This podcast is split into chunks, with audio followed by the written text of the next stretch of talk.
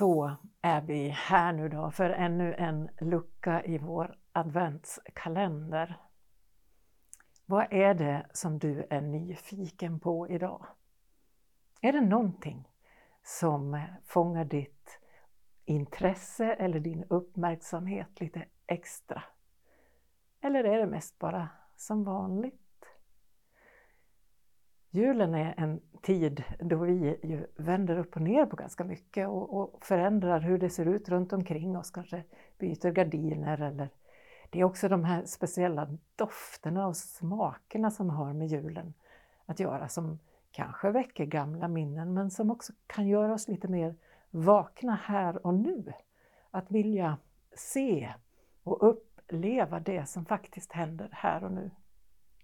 Och det skulle jag vilja skicka som en liten utmaning eller en uppmaning eller kanske uppmuntran till dig att inte bara ta för givet att allt är som det var igår eller som det var förra året eller som det brukar vara.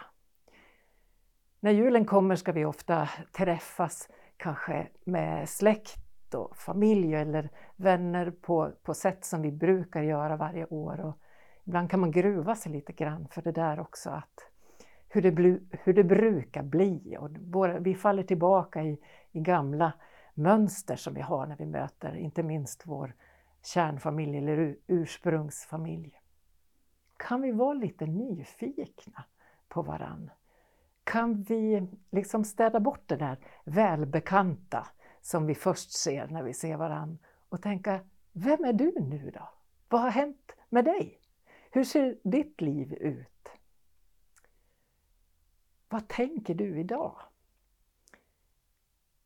Det får bli en uppmaning och en utmaning till oss att verkligen vara här och nu, den här dagen och den här julen. Jag tror att Gud har ett ärende till oss, var och en, en hälsning eh, som handlar om att livet, livet är på riktigt. Det är inte bara någonting som rullar förbi, dagar vi ska klara av eller något som, som liksom går på rutin och räls bara. Utan livet är på riktigt. Och vi kan vara i kontakt med det som händer, med de människor vi möter. Och vi kan erfara livet lite starkare, lite mer i våra kroppar, i våra själar och genom vår ande. Jag tänkte bara läsa några rader ur Marias lovsång. Min själ prisar Herrens storhet. Min ande jublar över Gud, min frälsare. Han har vänt sin blick till sin ringa tjänarinna. Från denna stund ska alla släkten prisa mig salig. Stora ting låter den mäktige ske med mig. Hans namn är heligt och hans förbarmande med dem som fruktar honom varar från släkte till släkte. Han gör mäktiga verk med sin arm, han skingrar dem som har övermodiga planer. Han störtar härskare från deras troner och han upphöjer de ringa. Hungriga mättar han med sina gåvor och rika skickar han tomhänta bort. Han tar sig an sin tjänare Israel och håller sitt löfte till våra fäder att förbarma sig över Abraham och hans barn till evig tid.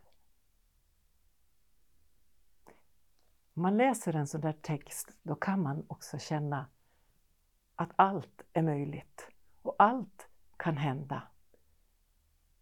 Ska vi vara lite nyfikna på vad det kan innebära den här dagen?